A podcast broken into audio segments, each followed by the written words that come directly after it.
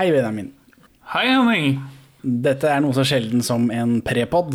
En prepod. For i dag er det Benjamin spesial, for du har bursdag. Dun, dun, dun. Så da vet ikke du hva som skal skje. Gratulerer med dagen, Benjamin. Tusen takk, Henning. Tusen takk. Lukk øynene. Som gave så skal jeg ta deg med tilbake i tid med denne lydeffekten fra Brødrene Dal og Spektralsteinene.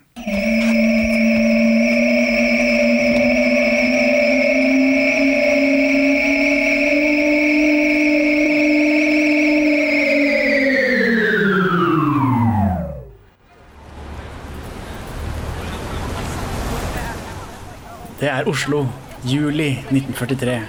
Ser du det for deg? Ja, det gjør jeg faktisk. Ja.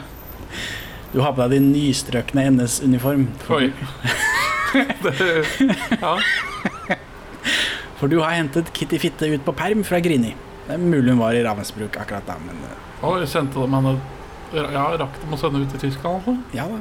Ja, Eh, og dere skal på kino. ja da, nå, nå skjønner jeg hvor det går her. du skjønner det? Ja. Ja, det er bra. For i anledning min bursdag så skal vi se Unge viljer. Nei, nei, nei. Herregud. Du har ikke peiling på noe som helst, Benjamin. Du vet ikke hvor dette går.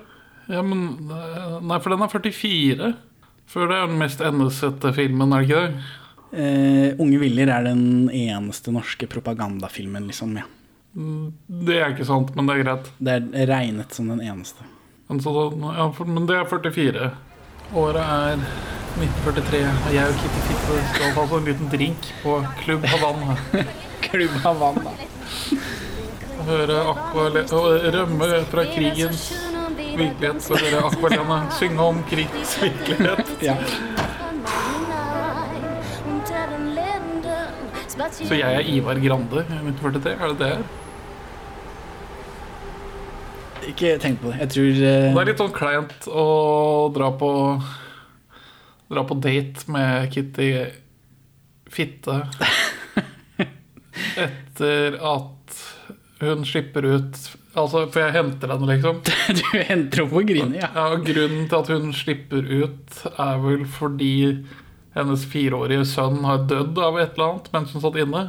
Hun får sånn velferdsfrihet, liksom. Eh, nei, nå er hun bare på perm, så akkurat uh, ah, ja, ok, Hun er ikke helt ute igjen. Hun er ikke Akkurat logistikken rundt det, det har jeg ikke tenkt på. Dette er et drømmescenario jeg tar deg med på. Du abonnerer selvfølgelig på Buskerud Blad, hvor du har klippet ut en annonse som du har i lommen, mens du går arm i arm med røkelaksen gjennom Slåssparken, hvor naziflaggene vaier i vinden, ned til Palassteatret, filmavisens hjem i Karl Johans gate 41, som i dag er Palais kjøpesenter. Skal vi se den frontkjempefilmen? Året før eh, ble motstandsmann og kinokontrollør Kåre Rødde tatt for å holde våpenopplæring under scenegulvet på akkurat den kinoen. Men, eh, men du skal jo bare se på film, så du tenker ikke på hva som skjedde med han. Han tok livet sitt rett etter at han ble tatt. Hva står det på den annonsen som du har fått tilsendt på telefonen, håper jeg? Oi. Filmaften i Paladsteatret tirsdag 13.7. klokken 20. Det er en sånn fin NS-ørn over den annonsen her. Norsk ukerevy nummer 59, Grieg-filmen. Den tyske ungdomsfilm Han de Hoch. Gratis adgang for NS-medlemmer med bekjente. Ja, og det er jo deg da i dette tilfellet. Ja. Det du leste opp nå, det er en ganske typisk norsk filmkveld under krigen. Det er litt sånn propaganda i forkant. Først en norsk eh, eller tysk filmavis, så en kulturfilm, og så noe NS-reklame. Og når du har kjeda deg gjennom det, så blir du belønnet da, med en underholdningsfilm, eh, ofte tysk. I en artikkel på forskning.no sier Thomas W.H. Hagen, som har skrevet doktoravhandlingen eh, 'Folkefellesskap, forlystelse og hverdagsmotstand kino i Norge 1940-45', at selv om tyskerne styrte kinoene, så anså de radio, teater, litteratur og aviser som viktigere propaganda-outlets, eh, og kinoen ble mest brukt for å underholde tyske soldater, ikke for å omvende lett påvirkelige nordmenn. Høres det kjent ut? Ja. Så Hagen begrunner dette med at kinomarkedet i Norge var lite. Men vi hadde jo liksom 300 kinoer. ja, Oslo hadde 80 kinoer i 1919 eller noe. Så det er jo helt tåpelig. Ja, og Han sier også at tyskerne ikke hadde greie på Norge og norsk kultur. Og at de derfor ikke hadde noen helhetlig kinoplan eh, og måtte lene seg på norske kunnskaper. Det høres riktig ut. Hva syns du om programmet, da? Uh, Grieg-filmen er jo en litt uh, underfundig tittel. Ja, det er jo kultur, eh, kveldens kulturfilm. Så skal vi gå på kino, da? Ja, da får vi sette oss og gå på kino. Hurra. Ja, For du er Kitty Fitte, da. Ja, det blir vel det. Dette, jeg har ikke tenkt så nøye gjennom, kjenner jeg.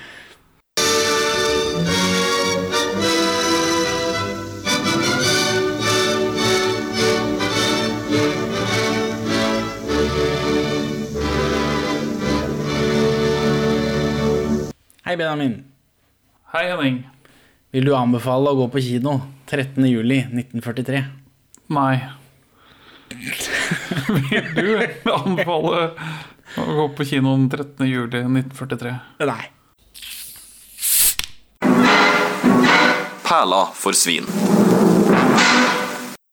Velkommen til uh, Perleforsvinn, podkasten for deg som jobber som propagandist for Nasjonal Samling, og finner det lurere å bare si hva talen til Quisling inneholdt, istedenfor å spille et klipp av han som taler selv.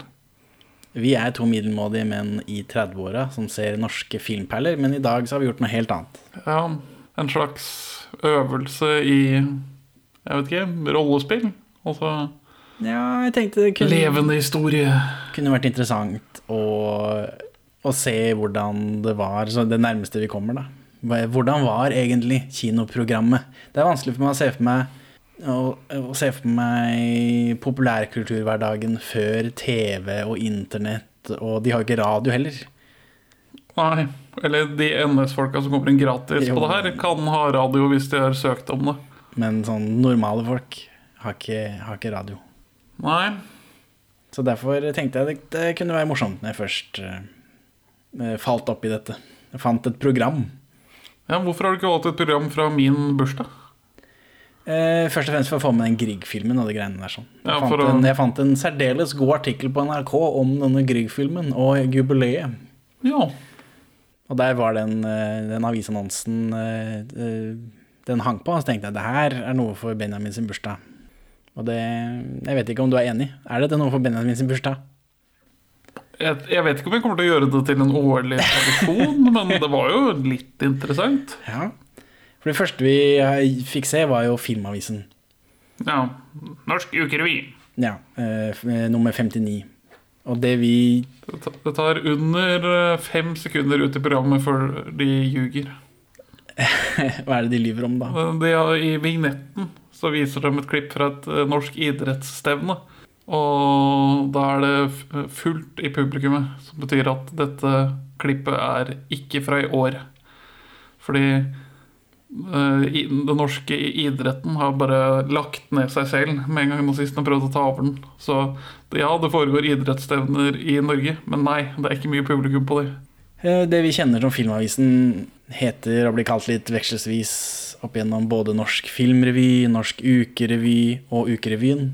Og selv om Filmavisen den hadde liksom sitt hjem i Palassteatret, eh, så gikk den som forfilm på alle kinoer. Så her det finnes et hovedsted å se Filmavisen. Ja, eh, dette Palassteatret var liksom filmaviskinoen. Men den fulgte jo med på de fleste andre filmer likevel, spesielt om filmen var norsk. Eh, Oslo Cinematografer hadde sin egen lokale filmavis fra så tidlig som 1929, men det ble liksom ikke noe fart i sakene før nazistene kom på banen eh, med filmavisen sånn som vi kjenner den nå. Eh, den dukka opp først i 1941. Og så var den til 62, eller noe sånt. Ja, men man fortsetter den stolte nazistiske tradisjonen etter krigen. Eh, ikk- ikk- Det var ikke alltid det var dumt. De hadde jo Filmavisen. Eh, ja, det blir jo propaganda på en annen måte, da. Ja, Men det er mye sånn eh, Det er den eh, Har du sett den nettsida Kim Jong-il Looking at Things? ja, Ja, det er mye det. Det er Se, vel- se hva vi har. ja. Se så fint dette var. Her kommer Hjalmar Andersen, blir litt sånn senere, da. Eh, Ikke akkurat nå. Men liksom, se på. Folk gjør sport. Her har vi gjort noe. Her Forsvaret har kjøpt inn en beltebil. Se på den. Det er, det er mye sånt. Egil Nakling, Nakling er voiceover under krigen. Ikke kjent med. På... Ikke jeg heller, men det er han som har stemmen da, i hvert fall. Det er en veldig kjent stemme. Det er det. Ja, i hvert fall den type stemmen er jo veldig Men eh, senere så er vel Rolf Kirkevåg også har vel eh, hatt stemme i Filmavisen senere på. Du kan høre han sitter og knekker i knokene sine mens Ja, for du, du tror at det eneste han gjorde, var å, var å banke sønnen sin. ja. Ja. Filmavisen er en del av Norges dokumentarv, sammen med viktige ting som Sigrid Undsets arkiv, Kongens nei, dokumentet, ikke filmen, eh, og Grunnloven, samt tullete ting som Bjørge Lilliens kommentarspor til Norge-Englandskampen i 1981 og Hurtigruten minutt for minutt. Så jeg vet ikke hva er poenget med Norges dokumentarv.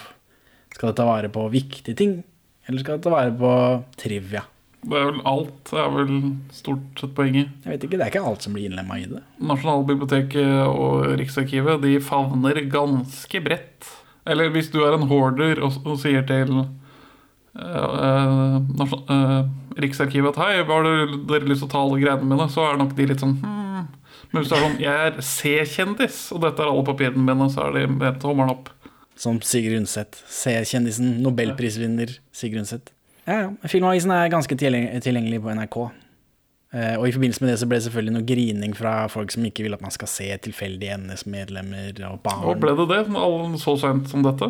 Eh, Eller når var dette, i så fall? Oh, det var jo på, ute på 2000-tallet de liksom la det ut på nett.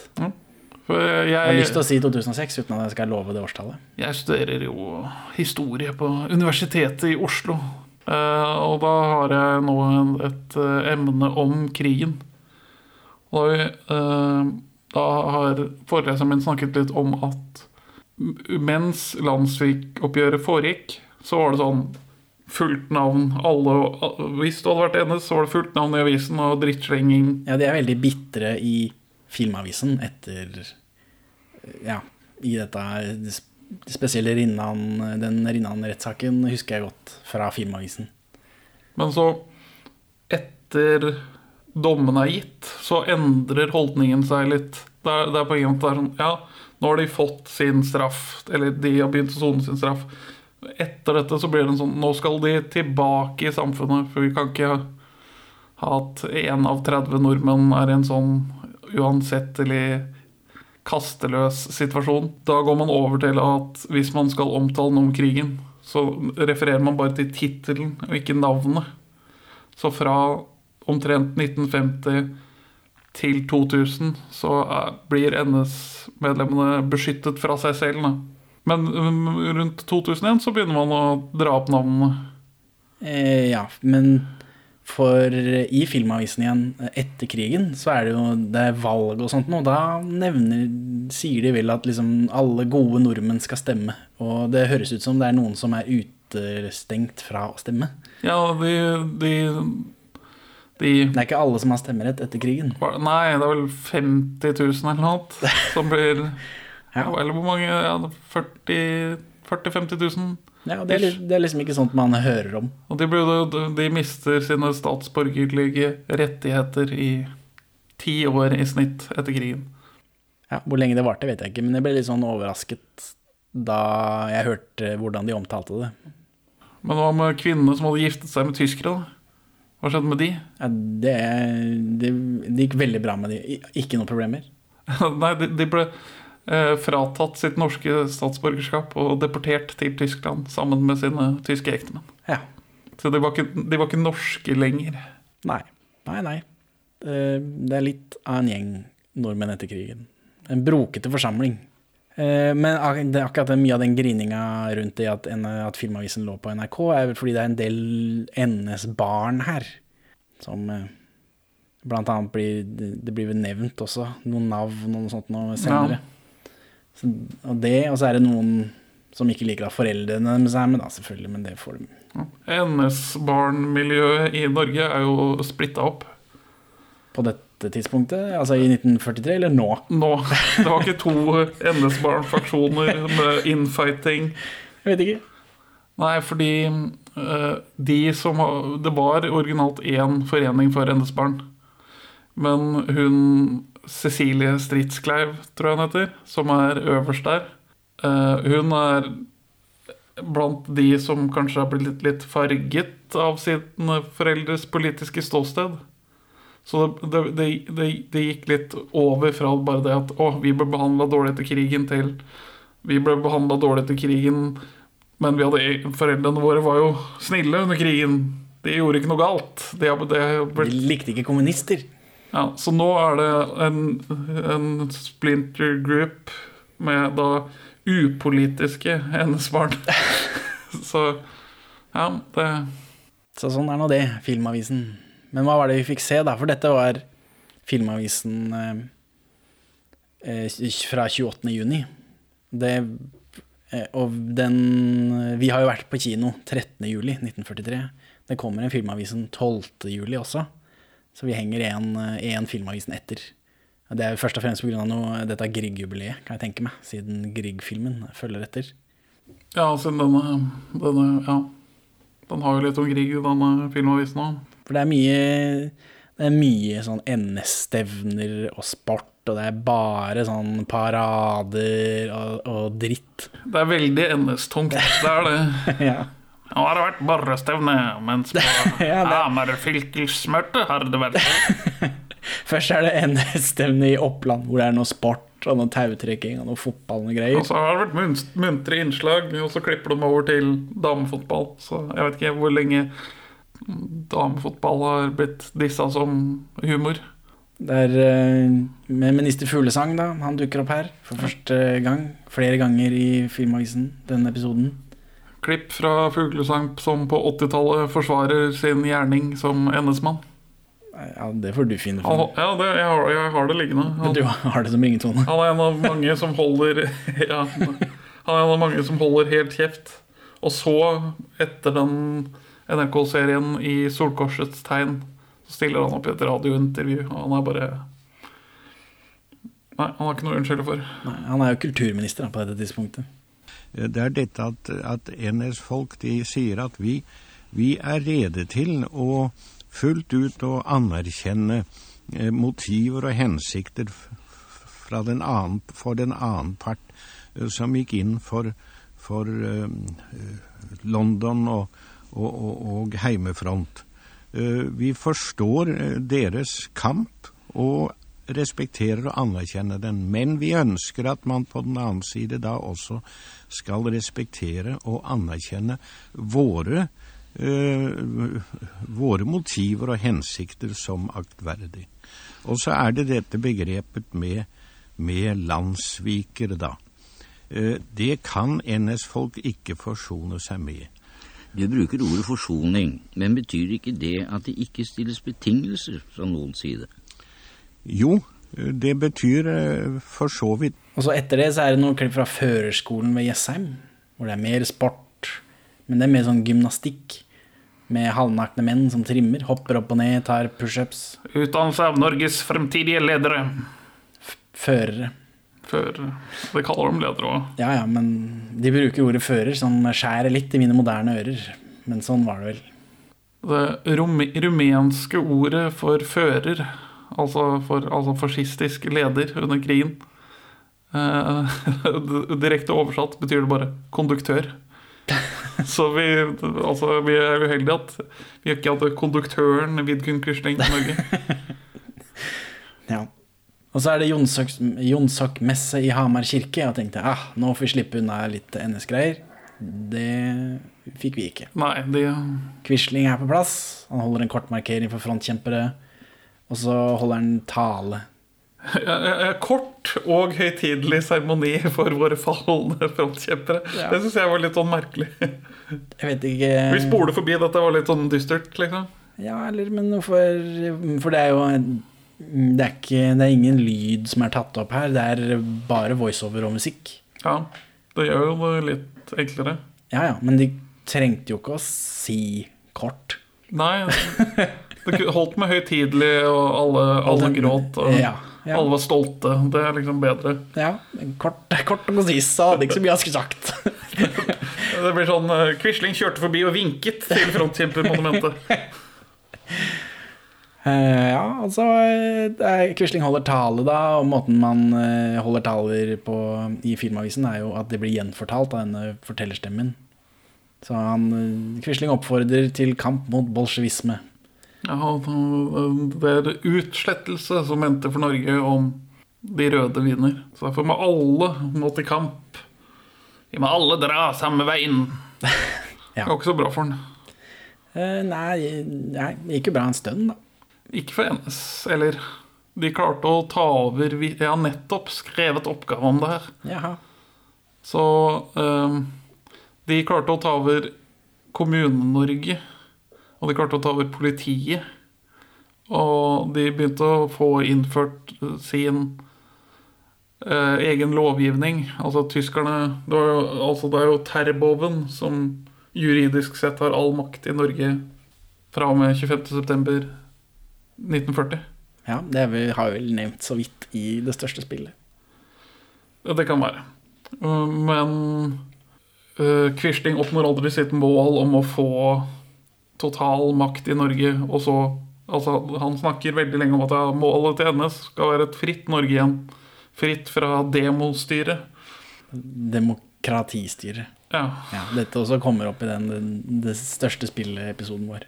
Så Nei, så I i 1942 så har vi statsakten som var planlagt som en reell maktoverføring fra Terboven til Quisling.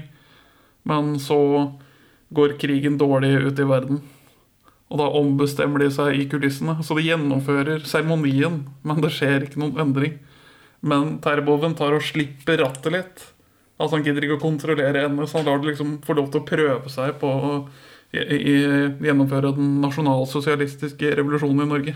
Men eh, med en gang Det første Quisling og NS gjør, er å prøve å ta over Den norske kirken og opplæring av barn. Al altså alle lærere må signere sånn, et sånt dokument, og alle eh, biskoper og prester må føye seg, men det sier de nei til, egentlig. Så al- alle, alle sier opp jobben, og lærerne blir depo- deportert til Finnmark. Og det så de driter seg ut på sånne De går på sånne skikkelig propagandatap, og da strammer tyskerne grepet litt igjen. Så de, de, de mister momentumet. De får aldri folk med på prosjektet sitt. Altså 9.4.1940 så har NS i, antageligvis i underkant av 1000 medlemmer. Og av de 60 000 eller noen som melder seg inn i løpet av krigen, så er det veldig mange opportunister. Og kanskje ikke så altfor mange gjennombrune nasjonalsosialister. Så det er liksom Men stevner kan de holde. Stevner kan de holde. De har nok eh, brune politiske folk til det. Ja. Så neste da, etter dette Jonsok-messegreiene, er et borrestevne. Stevne på Borre. Som er Ikke et på- borrestevne. Nei, som er på, over på Horten-sida der. Og her er det mer idrett, løping, altså får vi noen modellfly, sånn Ja, ja, Hirdens flyåpen er til stede, og de har med modellfly og glidefly. Oi, oi, oi. For en slagkraft de kan stille med. Ja, men det er jo kult å se på modellfly, da. Det er jo mange stevner støtt og stadig hvor de driver med modellfly, men eh, det er ikke nazisme i tillegg. Nei. Det, det blir litt sånn Ja, ja. Så dukker jo Hirdmarinen opp med sine eh, toppmoderne krigsskip. ja det Og hangarskip og ubåter. Og... Ja, nå overdriver du litt, vel, for det var vel bare én stusslig seilbåt der. Nei, de hadde to seilskuter. Thank you very much. Ja, ja, ja da, så. Og så er det noe mer Quisling. Han NS kjemper en hellig kamp. Bla, bla, bla. Sånn. Han holder taler og greier. Men uh, Quisling er jo en sånn karismatisk leder. Kjempekarismatisk i disse filmavisgreiene. Ja, men Det er det som er problemet. Han er en sektleder. Han når veldig godt frem til en liten lukket gruppe. Mens, mens hans eh, folkeappeal er ikke sånn veldig høy. Så jeg, jeg opplever det som et taktisk grep av propagandavideoredigereren her å ikke ha et opptak av Quislings tale. Fordi ikke jeg tar helt feil, så er filmavis nummer én den er helt stum. Filmavis nummer to, der har de tale. Rett fra. Og så etter det så har de liksom funnet formen, og da er det bare voiceover derfra ut. Ok, det kutter ut generelt, da. Hvis ikke jeg husker helt feil. Men jeg mener en av de tidligere så har de faktisk Der kan du høre eh, Quisling eh, tale. Ja, det så vi jo i det største spillet òg. Ja, men det var lureri. Ja.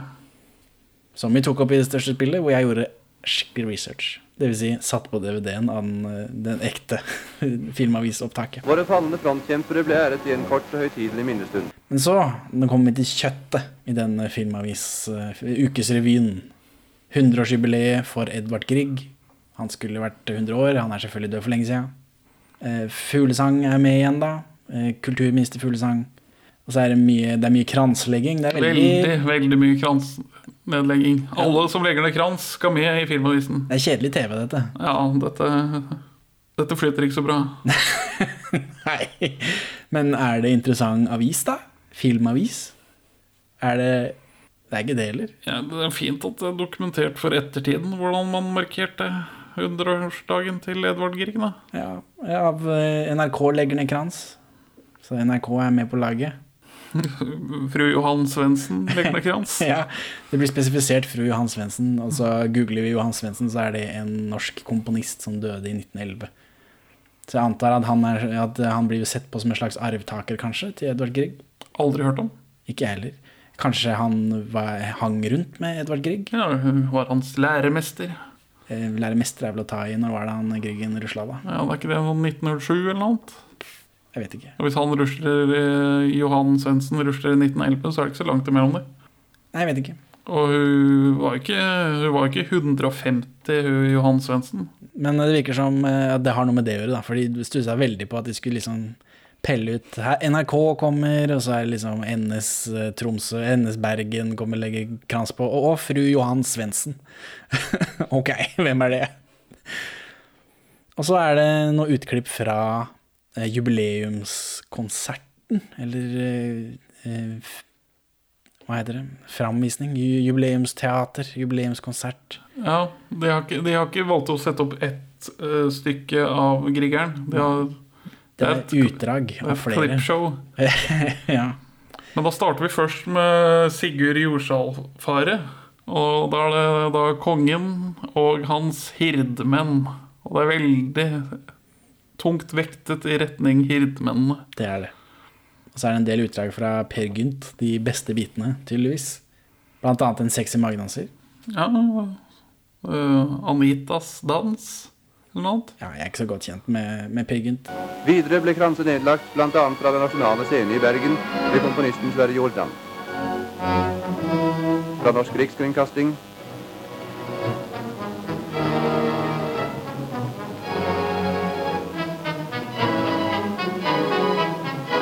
Blomster fra fru Johan Svendsen.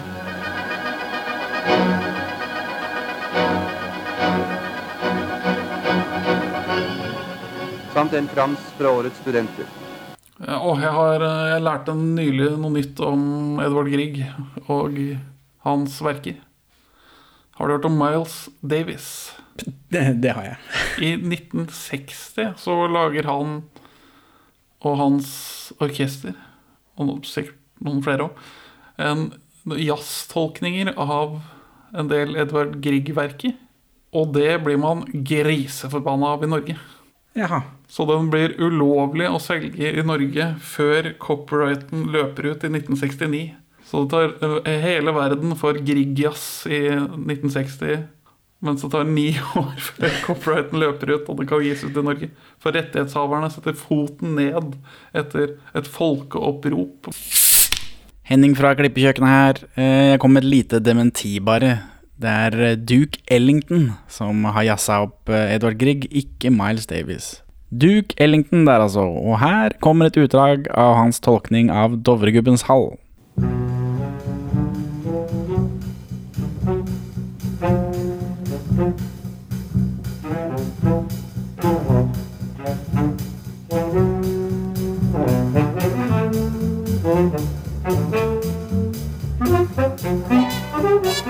Thank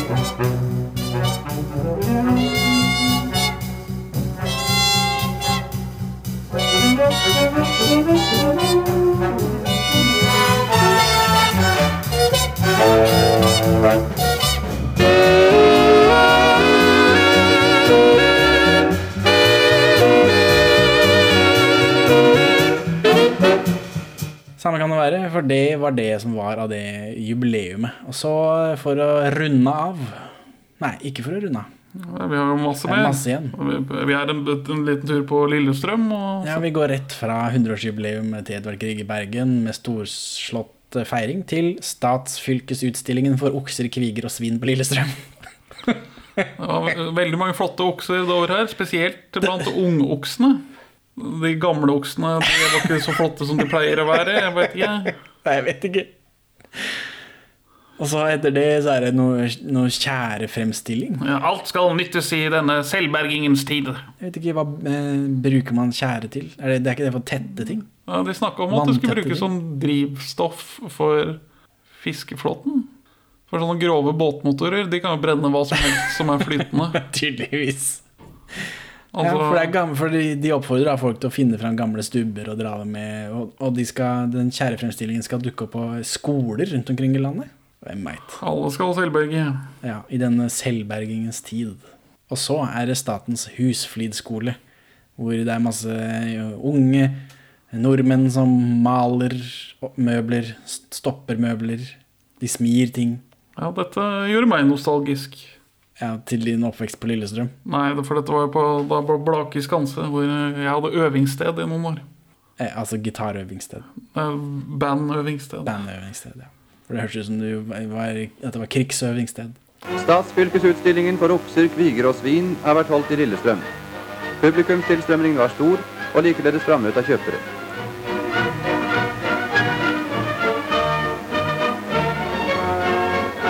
Det var en rekke pene okser, spesielt i ungokseklassen. Og så, for å runde av, så er det et innslag om sau.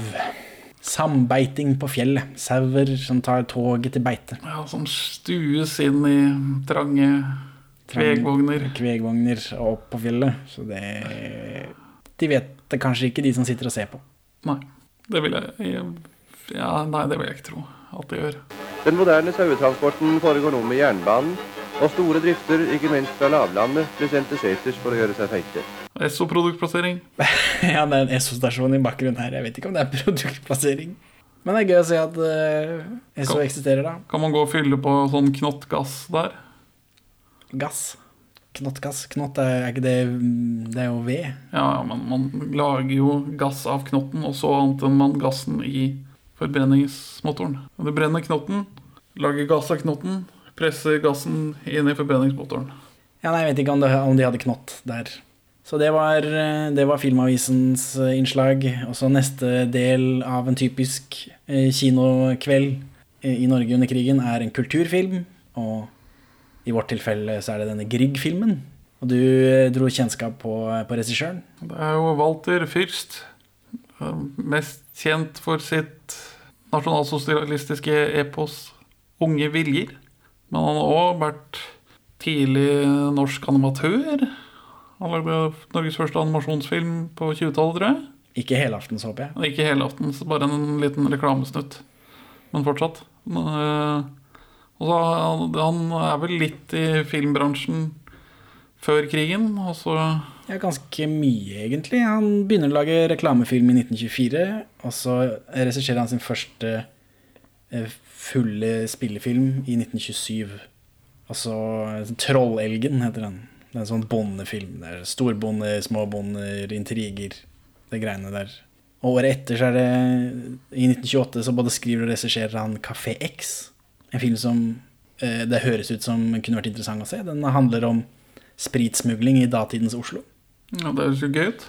Og i 1932 så lager han den korte spillefilmen 'Prinsessen som ingen kunne målbinde', som er en av Norges første lydfilmer. Så han har jo drevet og, og produsert masse. Og så kommer denne krigen, da. Ja, men før det så er han med på å stifte NS i 1933. Men han blir uvenner med Quisling og blir kasta et år etter.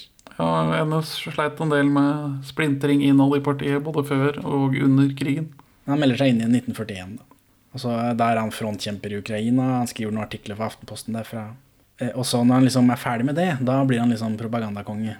Og lager eh, denne filmen og, og Unge viljer og, og flere andre sånne eh, småtteri. Ja han, Her kommer Quislings Hirdmen, er det en som heter. ja, det er en 50 minutter lang film om frontkjemperne, som ikke virker til å være digitalisert noe sted. Den har gått litt i glemmeboken. Men så i dette landssvikeroppgjøret, da, så får han vel fire år og litt til, tror jeg. Han soner tre. Så blir han ansatt av Max Manus. Ja, han får deltidsjobb hos Max Manus, samtidig som han begynner å lage reklamefilm igjen. Ja. også til, i en alder av over 60 så får han jobb i NRK. Ja, I 1965 så begynner han i NRK som 64-åring Ja, og lager over 80 produksjoner før han rusler da i 1993. Ja, en produktiv type. Ja, ja hans siste mm, fulle film, hans siste spillefilm, er 1955, da. Hjem går vi ikke. Fra selvbiografien hans så så jeg et utdrag i Store norske leksikon at han eller Nei, i Krigens leksikon fra 1995. Min sti heter den med selvbiografien Det var en krøkkete sti, si. Men at han øh, slet med overivrighet i alle oppgaver. At det var et problem for han. Ja, han er jo veldig nazist, da. Han er, han er jo med på å stifte NS, og han mener vel også at sig og heil er et gammelt nordisk uttrykk. Og han lagde noen pamfletter hvor han eh, hevdet det, at det, liksom, vikingene gikk rundt og, og heila hverandre. Ja, men nå roter du med begrepet ditt. Ja, det er beklager. ikke sig og heil. Er heil og sæl. Heil og sæl, ja. Min feil. Min feil. Uh, Men dette, den pamfletten ble vel dratt fram i dette landssvikeroppgjøret, tror jeg. Ja, Det det, var nok ikke noe lurt. vi prøvde å påstå at ja, gode, frie storbonder i Norge i middelalderen de gikk og heila og sæla til hverandre og rakte ut armen på litt sånn små, smånazistisk vis. På romersk vis. Eh, Men det er nå regissøren, da. Eh, Det var mye sånn hurlumhei rundt dette Grieg-jubileet. For nazister elsker Grieg. Han passer veldig fint inn i nazistenes uh, forkjærlighet for nasjonal romantikk. Ja. Og han ble 100 år, og han skulle feires. Samme pokker om det var krig og okkupasjon, og folk skulle like det. Så han, eh, kulturminister Fuglesang, Rolf Fuglesang han brenner av 98 700 kroner på den offisielle feiringa i 1943. Som i dag er ca. 2,2 millioner. Eh, men dette er jo under krigen, da, så jeg ser for meg at kanskje det, Jeg tror jeg ville funnet andre steder å bruke de pengene. Ja, hva skulle du bruke pengene på? Altså, jeg skal kjøpe meg en båt eller to, da. ja, men Norge importerer jo det meste som lages. Det er ikke et, akkurat et produksjonsoverskudd å ta av. Det er ikke gratis med import. Ja, men det er jo det er veldig lite å importere. Vi får mat fra Tyskland og Danmark. og Stort sett mer og betong.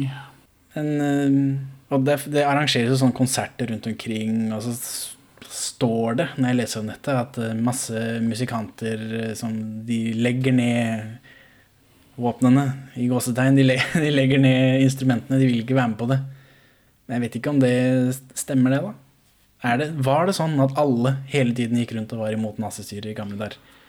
For det føles som noe man sier i etterkant. Um, det er vel litt omstridt, men i altså, veldig mange ting som går på frivillighet, altså sånn som idrett og kirkelige aktiviteter, så var folk ganske i opposisjon. Altså, folk aksepterte at Norge var ok okkupert på et vis, fordi der har noen kommet med militær overmakt, og landet er tatt over. Det får vi ikke gjort noe med. Men når de, okkupanten tar et sånt nisjeparti og prøver å trøkke det ned i halsen på befolkningen, da blir, den, øh, da blir nordmannen litt trassig. Den, den er ikke bare sånn Oh yes, dette, dette skal vi være med på. Så det var mye, mye symbolmotstand. Men Binders i jakkeermet, røde toppluer, ja, sånt noe. tagge H5 på fjellvegger Før krigen så var det også mye mas om en sånn storfilm om Grieg. Også fra utenlandske aktører. Men til slutt så ender vi opp med Song of Norway da, fra 1970. med med Torvald Merstad som Edvard Grieg. Eh, Basert på musikal fra 1944. En eh, eh, Broadway-musikal fra Ja. 1944. Så det har vært Det er noen som har tenkt på Grieg før, før dette. Og, i- og i utlandet. Ja, det er jo sånn de sier at Altså, i verden Altså, som de sier i dokumentaren her Dokumentaren. ja, Den upartiske dokumentaren. At i verdensorkesteret så er det Grieg som spiller det norske instrumentet, eller noe annet. Og det er jo en påstand som stemmer den dag i dag. Altså, Grieg er mer kjent enn a-ha. Påstand. Eh, altså, de, han blir i hvert fall brukt mer, om ikke folk kan navnet hans. For eh, den Dovregubbes hall dukker opp uansett hva jeg ser på, syns jeg. Ja, og morgenstemning er jo Morgenstemning, ja. overalt. Så har jeg fortalt den den gangen jeg traff en filippiner som ville snakke om Song of Norway. Nei, det, eller kanskje, men ikke på podcast, i ikke hvert på fall. podkast. Nei. Nei, for det var, det var 2011. Jeg hadde vært på Comic-Con i Los Angeles. I San Diego, selvfølgelig. Beklager. Men jeg var på Los Angeles for jeg skulle ta fly hjem.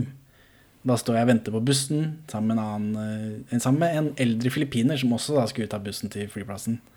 Og så har jeg et norsk flagg på meg, og så kommer vi i snakk, for dette er eh, et par uker etter eh, 22.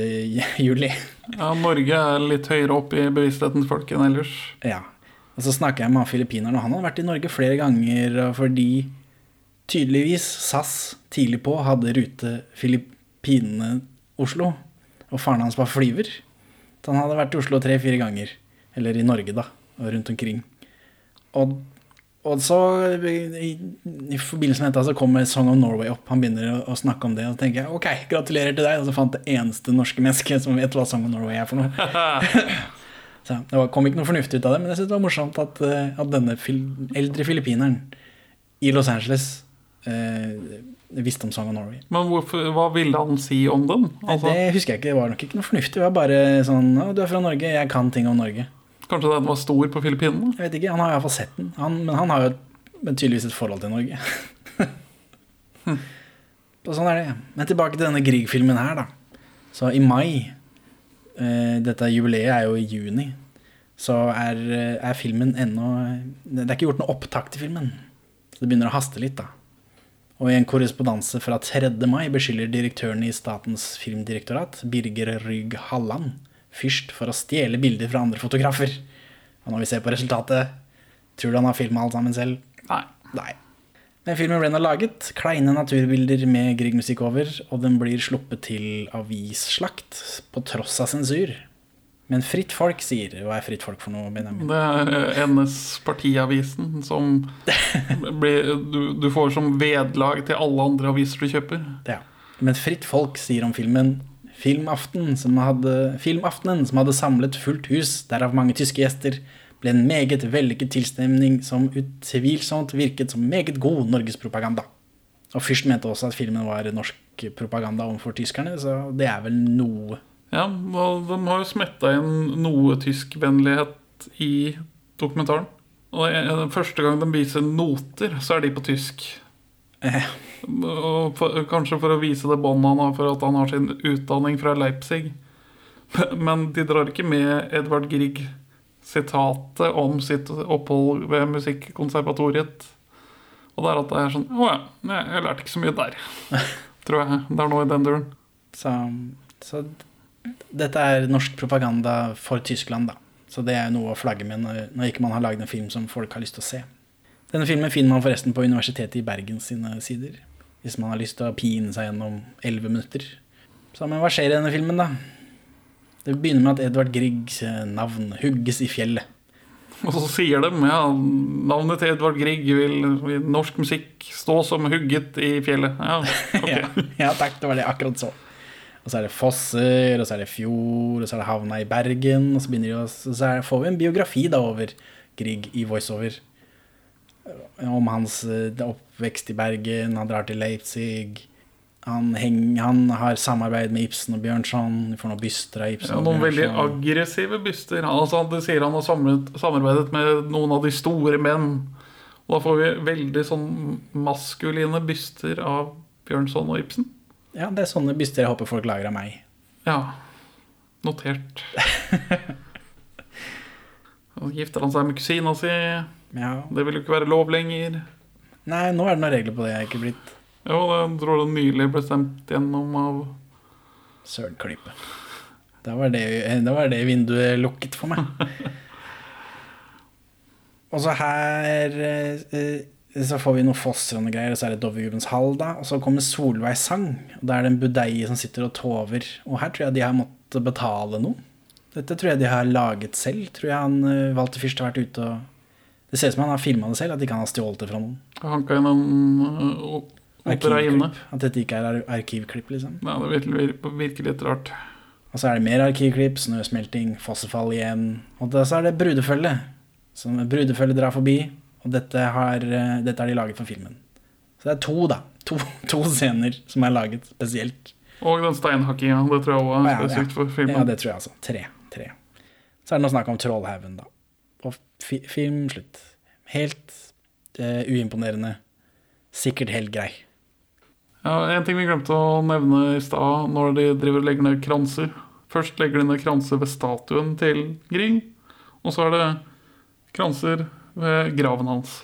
Og da, det sier vel litt om Edvard Griegs storhet at i et land hvor man ikke har lov til å kremere som man vil, på tidspunktet, tror jeg Det, fant, det, det fantes jo den, den norske forening for likbrenning.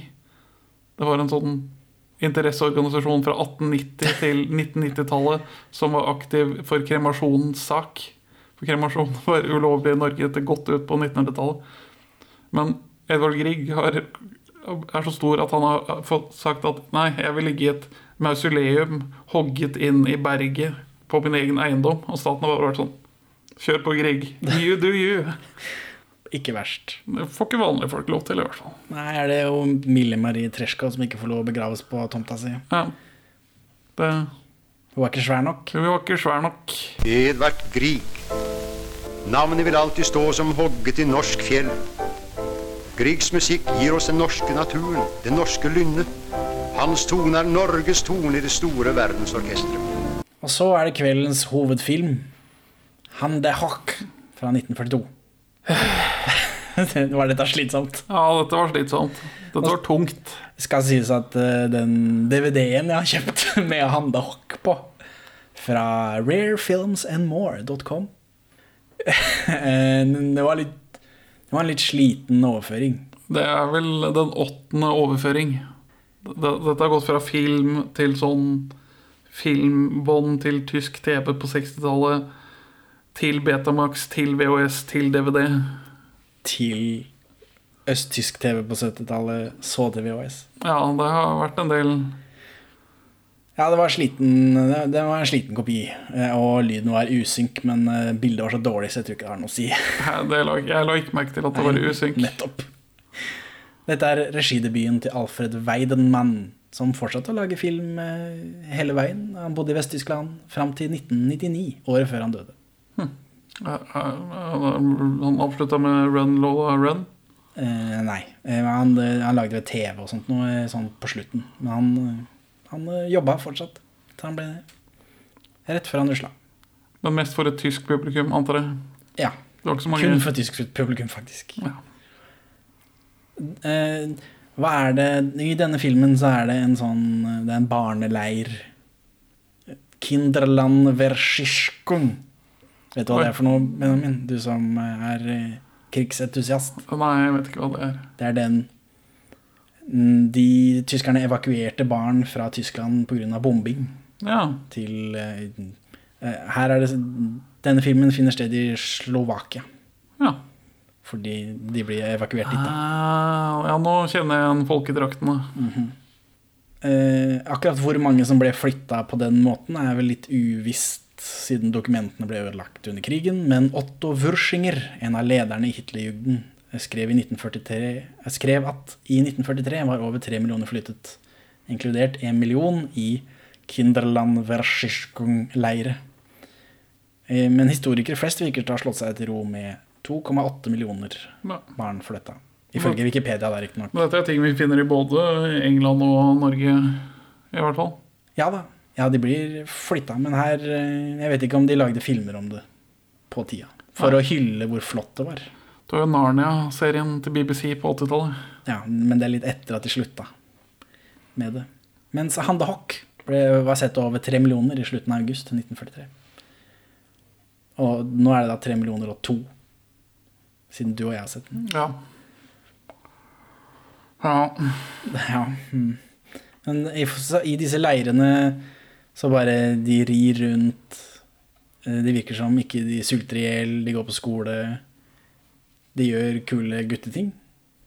ja, det virker ganske hyggelig. Ja, det, for dette er en sånn boys own adventure-film. Internatskolefilm. Stumpa. Dette er en sånn Stumpa-type film. Ja, det- jeg, jeg tenkte også litt på stumpa, ja. Det er nazistumpa. Eh, Ja, ja, det er det litt sånn forstyrrende at alle ser ut som uh, Draco Malfoy. at alle har sånne blonde sleiker og går i sånne uniformer. Så det er litt sånn eh, litt forstyrrende.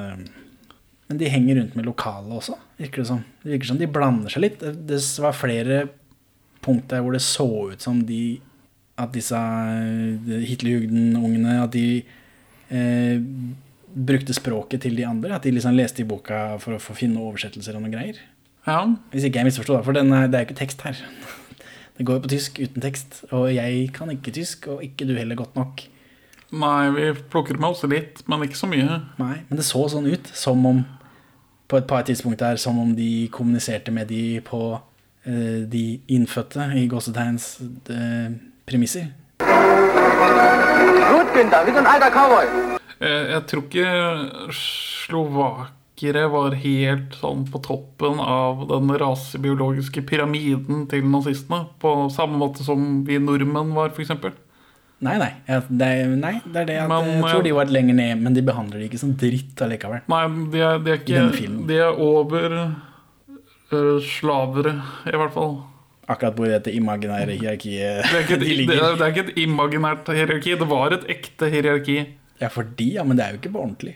Nei, altså Raser er Bare så vi har det Ja. rett, bare så vi har det på det rette i podkasten her. Vi Men sklir vi må jeg, jeg mener bare å diskutere hva politikken til tyskerne For de, hadde, de førte jo politikk på dette.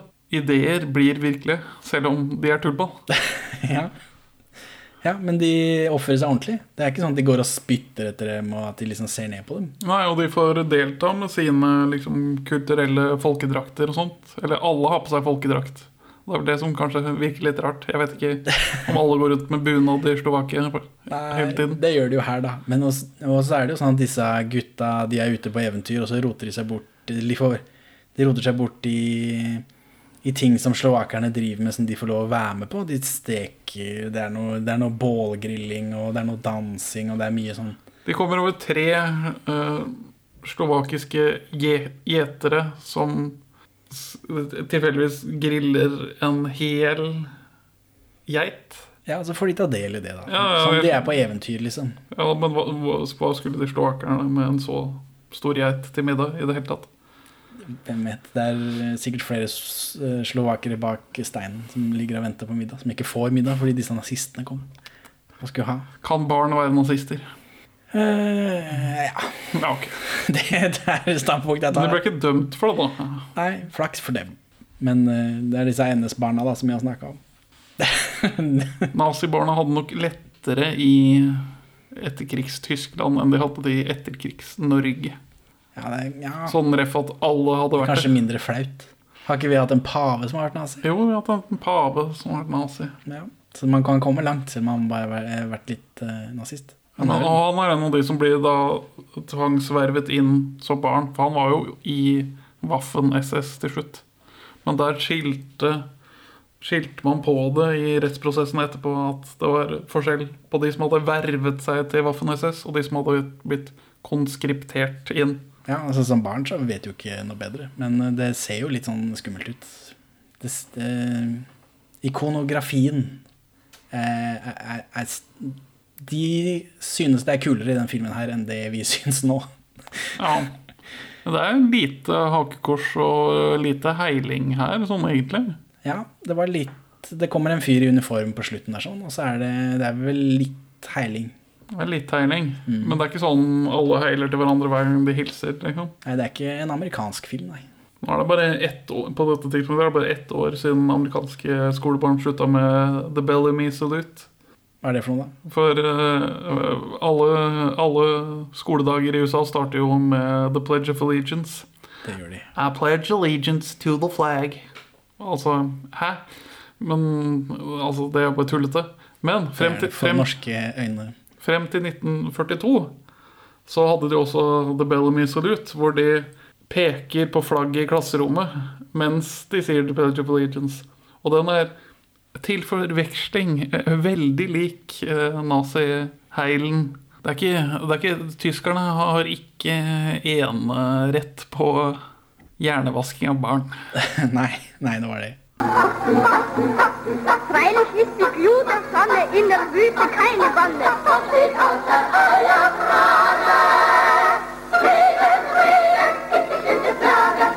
Det er flere innslag her som grenser til musikalinnslag.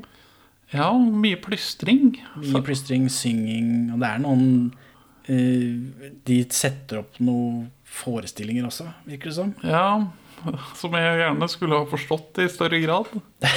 ja, for der var det noe var Diogenes. Fritz Diogenes. Han, han opphavet til den første kyniker. Ja, det er noen greske filosofer i dette musikal... I det teatergreiene som disse barna setter opp. Og rammen rundt det kunne vært morsom å få med seg. Men, eh, men jeg tror, hvis jeg som krigssliten nordmann Jeg tror kanskje det eneste jeg kunne hatt glede av her, er musikken. For den er veldig overveldende og sitter godt sammen. Om ikke jeg syns historien var så gøy, så syns musikken var det liksom litt driv i. Ja. For, ja. Og så er det en liten eh, sånn rafting-sekvens her som jeg sikkert ikke hadde sett på kino før hvis jeg var sliten uh, krigsnordmann. ja. Men historien i filmen da er at disse gutta er eh, De er på leir. De, jeg tror ikke de Nå skjønner jo ikke vi tysk, men jeg antar at ikke de snakker så mye om eh, at vi er her fordi de bomber Tyskland.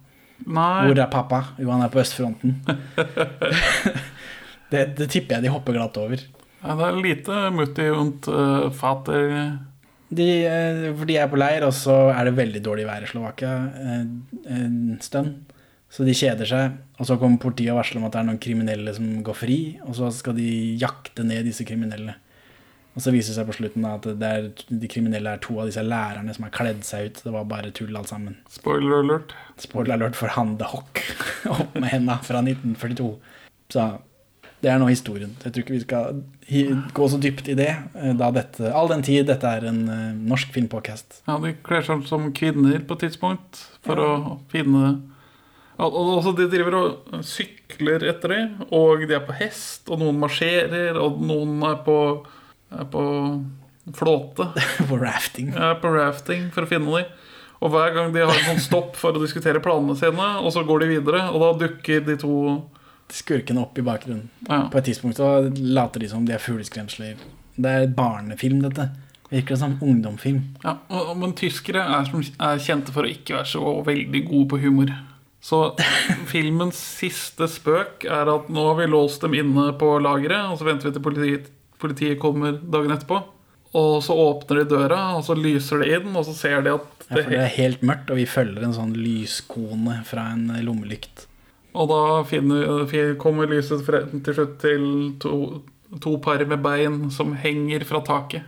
Du syns det så sånn ut, men jeg så for meg at dette var et sånt stabbur. At det var noen pølser og noe greier som hang der og dingla. Ja, men det var jo beina som dingla der. Altså, Det var ikke menneskeben. Det, så, det, det så Altså, det, var ikke meningen at denne filmen for barn skulle Skulle lure deg til å tro at disse to skulle hadde hengt seg. Jo, Uenig. Du tar feil.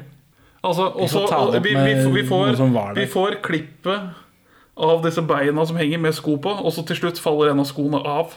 Hvorfor henger skoene fra taket? Jeg så jeg, Bein? Bildet er såpass dårlig her at jeg tolka det som det bare var noen pølser som hang der. Dingla. Nei, de har jo gjemt seg. De, de to fangene later som om de har hengt seg for å kødde med barna. Og så får vi et klipp av kamera som sveiper over fjeset til barna, og de ser veldig sånn Sånn øh, dystert sjokkert ut. I podcast-øyemed så skal jeg være med på det. Fordi det er morsommere enn min kjedelige forklaring. Ja, som ikke gir noe mening. Men, for det henger jo ikke på greit. At, å, hvorfor detter skoen ned? De, så, det så ut som en pølse som datt ned. Jeg Nei. trodde at de bare Å, hvor er det blitt av disse folka? det, var, det var skoa deres. Altså, det var fi- fire bein dingler ned, som om de har hengt seg. Og så her blir det veldig dyster stemning, og så kommer de ut av et skap og bare sånn «Ah, Vi kødda! Det var bare oss! Ja, det er en veldig dårlig spøk i så fall. Ja, men det passer med tysk humormislykkethet. Så Benjamin, hvorfor vil du ikke anbefale å gå på kino 13.07.1943? Det har ikke holdt seg så godt, kanskje. Det, det er interessant fra et filmhistorisk øyemed, men kanskje det fins en bedre, mer underholdende filmkveld fra krigen man kan gjenskape. Men det får noen andre finne ut av, for det blir som sagt ikke en årlig tradisjon å gjøre det her hver bursdag. Nei, var det gøy den ene gangen, da? Ja, Det var, det var litt Teoretisk gøy? Teoretisk gøy, men herregud, så kjedelig det var.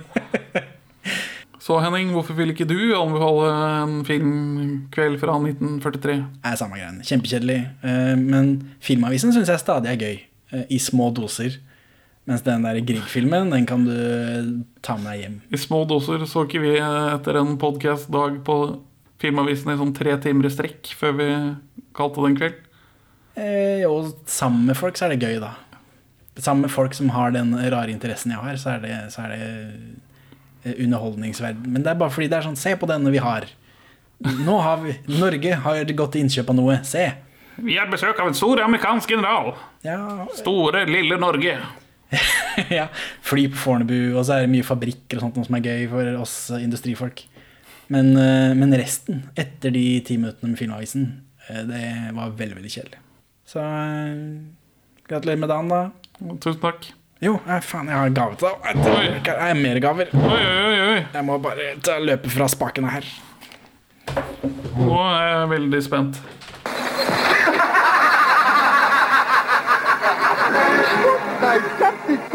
Na, mein Lieber, und was wird morgen rot gedruckt in allen Zeitungen stehen? Phänomenale Verhaftung krank gesuchter Verbrecher durch einen Jungzug. Vær så god, Benjamin. Gratulerer med dagen. Mm, Tusen takk, tusen takk. Åh, ille søtt. Norsk filmpod. Perleforsvinn.no. Det er merch, Det Benjamin. er merch. Excel. Vi får se hvordan det går, da. Hvis ikke så har du et mål å oppnå. Jeg må reise meg. Ja, ja, ja. Den holder, eh, holder inne. Det der, nå ble du fin. Hva er det du har fått for noe, da? Jeg har fått en eh, T-skjorte med vår eh, logo på.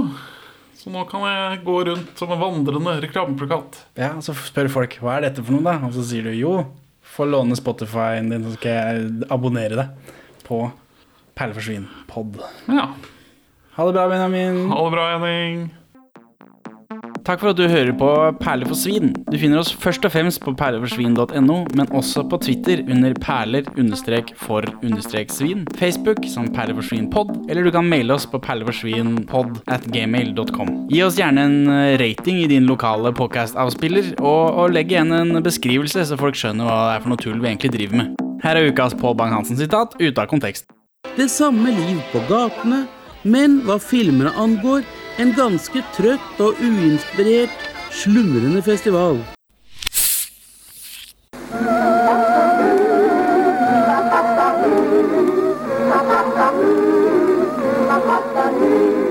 Hört die Antwort eines Greisen, eines weltbekannten Weisen.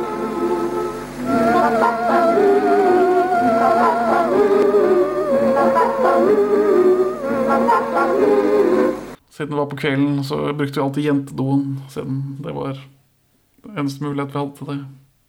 Det var intern humor i bandet. Kjempegøy. Kjempegøy med internhumor på podcast. Ja, ikke sant?